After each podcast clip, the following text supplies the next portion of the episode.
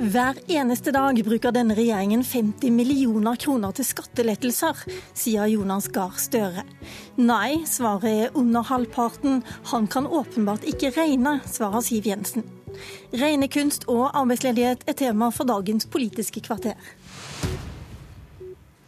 Men først til skatteparadisene som preger nyheter verden over i disse dager. Hva kan gjøres for å hanke inn noen av de hundretusener av milliarder kroner som til sammen forsvinner inn i disse skatteparadisene? Og finansminister Siv Jensen, vi kan jo starte med oss selv. Og si at oljefondet ikke lenger skal investere i skatteparadis, f.eks. I dag så investerer de mellom 150 og 200 milliarder kroner, ifølge dagens aviser. Er det et sted å starte? Nå er det slik at eh, Forvaltningen av eh, oljefondet er veldig bredt forankret. Eh, Det skjer igjen i dag når jeg legger frem meldingen om forvaltningen av både oljefondet og Folketrygdfondet.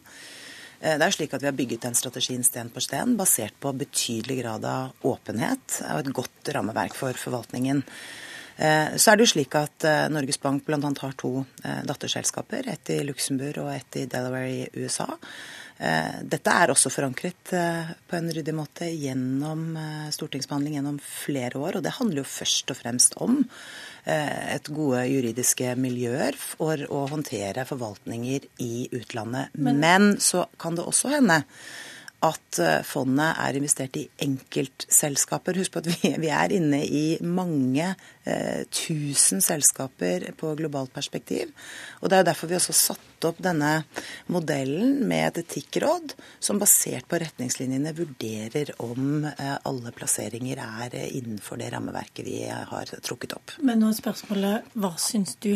Syns du det er riktig at oljefondet investerer så mye penger i skatteparadis? Men jeg, for, det, altså, for, det, første så investerer oljefondet etter alle solemerker på en ryddig og ordentlig måte. Dette handler om å forvalte det norske folks sparepenger, og det skal tåle dagslys. Det skal være gjennomsiktig. Og de være... sparepengene vil bli mindre hvis man ikke investerer i disse skatteparadisene? Nei, det som er poenget er at fondet skal være en global investor for å spre risiko og øke avkastningen, slik at vi kan nyte godt av disse pengene over tid.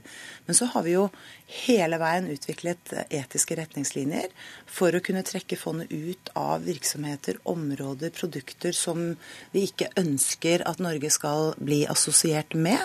Det er en strategi som videreutvikles hele tiden. Eh, I fjor, etter påtrykk fra flere partier i Stortinget, så gjorde vi jo endringer bl.a. Eh, på klimasiden og kull. Mm. Arbeiderpartileder Jonas Gahr Støre hørte ikke her noen sånn stor vilje til å endre på det, det regelverket, men din eh, finanspolitiske talskvinne er ute i Klassekampen i dag og sier at kanskje Arbeiderpartiet vil gå inn for et forbud mot eh, investeringer i skatteparadis for oljefondet. Hva tenker du?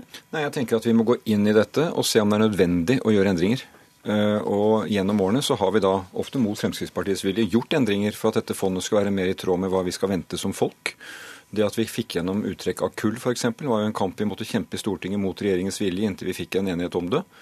Og Det som nå fremkommer, og det som kommer av nye informasjoner, gjør at vi må se på det. En av de store temaene vi diskuterer når vi skal ha skatteforlik i Stortinget, er jo spørsmål om åpenhet, kunnskap om hvor vi investerer, og hvordan Norge kan spille sin rolle i denne helt livsviktige kampen mot skatteunndragelser som underminerer velferdsstatene. Men når du sier 'må se på', betyr det at du er mer villig til å se på dette og endre reglene, reglene i dag enn du var for et år siden? Altså, Hvis det er slik at det er deler ved Norges Banks praksis i forvaltningen av oljefondet som åpenbart strider mot det som er uh, intensjonene når det gjelder å begrense skatteunndragelser, og jeg har ingen grunn til å tro at det fondet driver med det, Eh, så er vi åpne for å se på endringer på det. Men det må jo være basert på kunnskap og den innsikten. Så vi kan jo aldri si at det er uaktuelt å gjøre endringer i lys av den kunnskapen vi får. Jeg tror Kampen mot skatteunndragelser er Stortinget tverrpolitisk enige om. Eh, og Vi både, jobber jo både internasjonalt gjennom å sikre flere nasjonale regler for dette. Eh, og vi er opptatt selvfølgelig av at forvaltningen av oljefondet skal være tilsvarende. Men jeg har lyst til å minne Støre om, siden han nå trekker Fremskrittspartiet inn i dette, at vi, i motsetning til Arbeiderpartiet, gikk altså først for å få etablert de etiske retningslinjene for forvaltningen av fondet mange år tilbake. Det har vist seg å være en suksess. Og som vi har videreutviklet over tid. Men I forrige periode så sa Fremskrittspartiets talsperson på skatt at han ønsket skatteparadiset velkommen, for det var et press mot skattene i Norge. Så holdningen her har vært eh, av en slik karakter at avsløringen som kommer nå, kan sette oss bedre i stand til å vite hva vi må rydde opp i eget land, både i norske banker og om nødvendig i Norges Bank. Men bare la meg si, Det er jeg enig i, og det var også min første kommentar da disse avsløringene kom i går, at jeg mener det er bra. Fordi det gir et økt Hva mener du skatteparadis er bra? Det er det Hagesæter mente for noen år siden. Jeg mener at de avsløringene som nå kommer, er bra. Fordi det gir økt internasjonal oppmerksomhet om problemstillingene rundt skatteunndragelser, skatteomgåelser. Men jeg tror det er veldig viktig at vi klarer å være presise i denne debatten fremover. Fordi noe av det som sauses sammen i debatten, er helt lovlige ting. Mens andre ting er gråsone, og noe er definitivt ulovlig. Men du kan, den... du, kan, du kan, uh, avvise her og nå. Altså, det er riktig som Støre sier at Hagesæter sa for noen år siden, at uh, skatteparadis var bra fordi at da kom skattenivået til å bli lavere. Men det er ikke din mening altså, det er, det er sånn at mange land har et lavere skattenivå enn det Norge har, og de har gjort det aktivt og bevisst for å tiltrekke seg investeringer fra nye bedrifter og selskaper.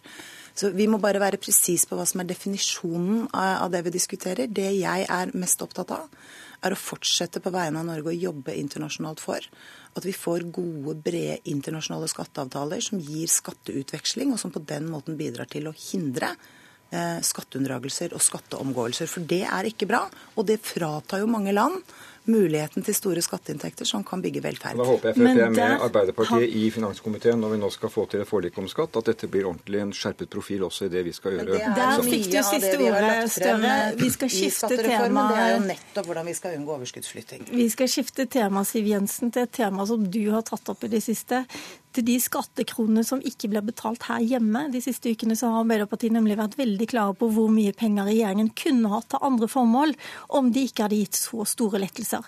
Her er Jonas Gahr Støre, vi hører deg i opptak nå fra spørretimen før påske. President, Det er blitt 45 nye ledige hver dag etter at Høyre og Fremskrittspartiet overtok. Samtidig går det ut 50 millioner kroner om dagen i skattekutt. Og så fulgte Arbeiderpartiets finanspolitiske talskvinne i spørretimen opp etter påske. Onsdag før påske så påpekte Arbeiderpartiet at regjeringa nå har brukt 50 millioner kroner om dagen på skattekutt siden de inntok regjeringskontora, samtidig som det har blitt 45 nye arbeidsledige hver eneste dag. Siv Jensen, du påstår at Arbeiderpartiet ikke kan regne. Altså, hvis man eh, tar utgangspunkt i de skattereduksjonene denne regjeringen har gitt siden vi tiltrådte høsten 2013, så beløper det seg til 18,46 milliarder kroner. Hvis man deler det på antall dager siden regjeringen tiltrådte, så betyr det en skattelette per dag på i overkant av 20 millioner kroner. La meg begynne med å si at jeg er for dette. Jeg mener skattereduksjoner er bra fordi det gjør livet enklere for bedrifter som nå sliter. Fordi det gjør det mulig å beholde ansatte og ikke eh, si dem opp. Fordi det gjør det mulig å kanskje ansette flere og ikke færre. Fordi det gjør det mulig å gå med overskudd og ikke underskudd. Ja. Så jeg Men... mener skattereduksjoner er bra for norsk næringsliv i en krevende tid. Så egentlig skulle det vært 100 millioner hver dag, tenker du? eller?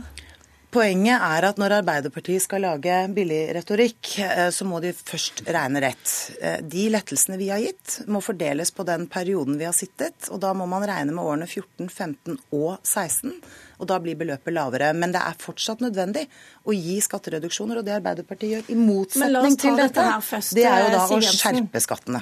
Regnestykket. Mm. Jeg har også tatt fram kalkulatoren min, faktisk, og 18,5 milliarder delt på de 900 dagene omtrent som regjeringen har sittet, det blir om lag 20 milliarder, ikke millioner. 50, nei, millioner, ikke 50. Jo, men Du kan ikke regne på den måten, og dette er ikke billig retorikk, men det er helt gratis argumentasjon, Siv Jensen, som du bør merke deg. Dette er jo penger som gis i skattekutt hvert år. Så når Siv Jensen er stolt av, og det får hun gjerne være Jeg mener det er veldig gal bruk av pengene. Det er veldig usosialt og veldig skjevt gitt. Eh, her har vi altså halvparten av skattekuttene går til de med 5 eh, mest. De 5% som har mest. Eh, så er jo det penger hvert år som fellesskapet ikke kan bruke på andre ting. Så du må dele det på 365. Nemlig i år kunne vi hatt 18 milliarder kroner til bruk på målrettede tiltak mot ledighet, for investeringer, arbeid for ny teknologi, klima. Eh, og det har vi ikke, og det betyr at det er hver dag 50 millioner vi kunne brukt på andre formål. Det er en illustrasjon av det. Eh, og det, det mener vi være det samme hvis, hvis Siv Jensen ikke gjør en eneste endring på skattekuttene til budsjettet for 2017, så vil vi også 2017 ha 18 milliarder mindre enn man ville hatt uten de kuttene. Derfor er det årseffekten vi ser på. Og det gir jo mening når vi sier 50 millioner kroner går i skattekutt hver dag, 50 mennesker blir ledige. Det er ikke en direkte sammenheng mellom de to, men de illustrerer hvordan vi kan bruke pengene på en annen måte. Og det er også rett, for det har jeg også sjekka på kalkulatoren. Hvis du deler på et år, så er det også riktig med 50 millioner. Jensen. Men det denne debatten illustrerer, er jo det dramatiske forskjellen på regjeringens eh, skattepolitikk og Arbeiderpartiets. Den er dramatisk, Arbeid... det er jeg helt enig ja. Arbeiderpartiet har i sitt alternative budsjett foreslått å skjerpe skattene med 10,5 milliard kroner bare i år. Det betyr at når Støre er ute på bedriftsbesøk, så har han jo ikke med seg tiltak til bedrifter som er hardt prøvet. Han har med seg en skatteregning på 8 28 millioner kroner hver eneste dag.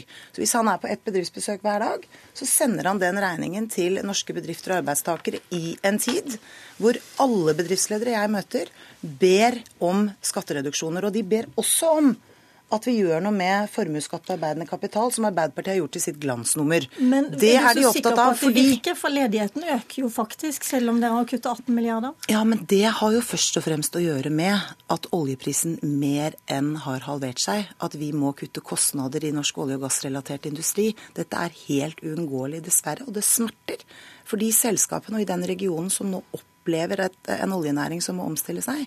Men da er jo jobb nummer én å legge til rette for at vi har lønnsomme bedrifter som går med overskudd i Norge, sånn at de kan skape flere arbeidsplasser og ikke færre. Og er det noen som tror at en bedrift får mer råd til å ansette flere personer med skatteregningen til Støre som er 28 millioner kroner per dag? Eller tror man kanskje at det å gå med overskudd eh, og bedre bunnlinjen er en sikrere garanti for at bedriftene vil ansette flere. Støre, hvorfor er du så veldig sikker på at eh, med de flere pengene så ville du fått flere i arbeid? Hun roter veldig med tall, finansministeren. Nei, det er urovekkende. La meg begynne med det. Bunnlinjen. Bunnlinjen i en bedrift beskattes gjennom selskapsskatten. Det tok Arbeiderpartiet initiativ til å senke selskapsskatten. Nå kan vi kanskje få enighet i storting, storting om redusert selskapsskatt. Må vi ta inn på noen andre områder for at vi sikrer fellesskapets inntekter. Det er det bedriftene ber om. Så har vi spurt finansministeren Nei, de ber også om endringer i formuesskatten. Så vi, eh, har vi spurt finansministeren og statsministeren hva har disse store skattekuttene resultert i når det gjelder nye jobber. Ingen svar. Hva får vi spørsmål om når vi er ute hos bedriftene? Jo, de ønsker når jeg spør, jeg spør alltid hva er de tre viktigste tingene vi som politikere kan gjøre, og da svarer de sørg for at det er god infrastruktur rundt der vi holder på, sørg for at vi kan få støtte til teknologisk omstilling, og sørg for at vi kan beholde folka våre. Og det er en annen måte å bruke pengene på. Vi er ikke mot å gjøre justeringer i skatten, det holder vi på med nå rundt skattemeldingen. Men vi peker på at istedenfor å gi disse veldig usosiale skattekuttene, som deres egne beregninger, dette har jeg sagt 100 ganger etter studio, viser har veldig liten eller ingen effekt, så kunne pengene vært brukt mer målrettet. Du sier stadig vekk at det blir 45 nye ledige per dag. Like fullt så er det regjeringen som går fram på målingene, mens du har jo ikke vunnet noe særlig på dette i det, det hele tatt. Hvorfor har ikke velgerne helt skjønt uh... Det får vi nå vente og se. Vi, skal, uh, vi har 500 dager igjen til valget, og vi skal sørge for å forklare dette på god måte. Vi kan ikke drive riktig økonomisk politikk etter kortsiktige meningsmålinger. Her er poenget at regjeringen bruker for lite og for sent i forhold til den krisen som rammer deler av Norge. Jeg mener at regjeringen burde si vi har en krise med arbeidsledighet. Fordi noens krise er alles krise. Det handler om solidaritet i vårt land. Det holder ikke å si at jo, det er der nede pga. fallende oljepris. I resten av landet så går det bedre. Vi må sette inn større tiltak for å hjelpe de som blir ledige på Sør-Vestlandet langs kysten vår. Og vi må sørge for å gjøre oppgaver som Norge uansett bør gjøre, gjennom en større tiltakspakke. Og det hadde vært mulig om vi ikke hadde gitt 50 milliarder, millioner dagen i skattekutt. Men programleder, Vi kan gjøre begge deler, og det gjør vi. Vi har lagt frem en tiltakspakke som særlig treffer Sør- og Vestlandet. Men det er også nødvendig å være opptatt av norske eiere i norske bedrifter i Norge. De er i en situasjon hvor de må ta utbytte ut av bedriften sin for å betale formuesskatt, selv om de går med underskudd. Det er det denne regjeringen har sagt at vi må gjøre noe med. For det er viktig å styrke de norske bedriftene som er eid av nordmenn. Hjørnestensbedrifter som også gir gaver og hjelp til lokalsamfunnet rundt omkring langs hele kysten. Det er jo de bedriftene vi ønsker å ha videre i Norge. Men jeg skjønner at det er blitt en retorikk Arbeiderpartiet har gått seg fast i. De skaper et inntrykk av at dette handler om skattelette til de rike. For meg så handler det om å ha norske eierskap i Norge. Da gjenstår det bare å si at eh, når det gjelder ledigheten, så er dere to kardinalt uenige. Senere i dag så kommer innstrammingsforslag fra Sylvi Listhaug på regjeringens andre store prioriterte område, nemlig å stramme inn på antallet asylsøkere og flyktninger som kommer til Norge. Vi får se om det blir eh, større grunn til enighet da. Det gjenstår bare å si hjertelig takk til Siv Jensen, finansminister, og til Arbeiderpartileder Jonas Gahr Støre. I studio, Lilla Sølhusvik.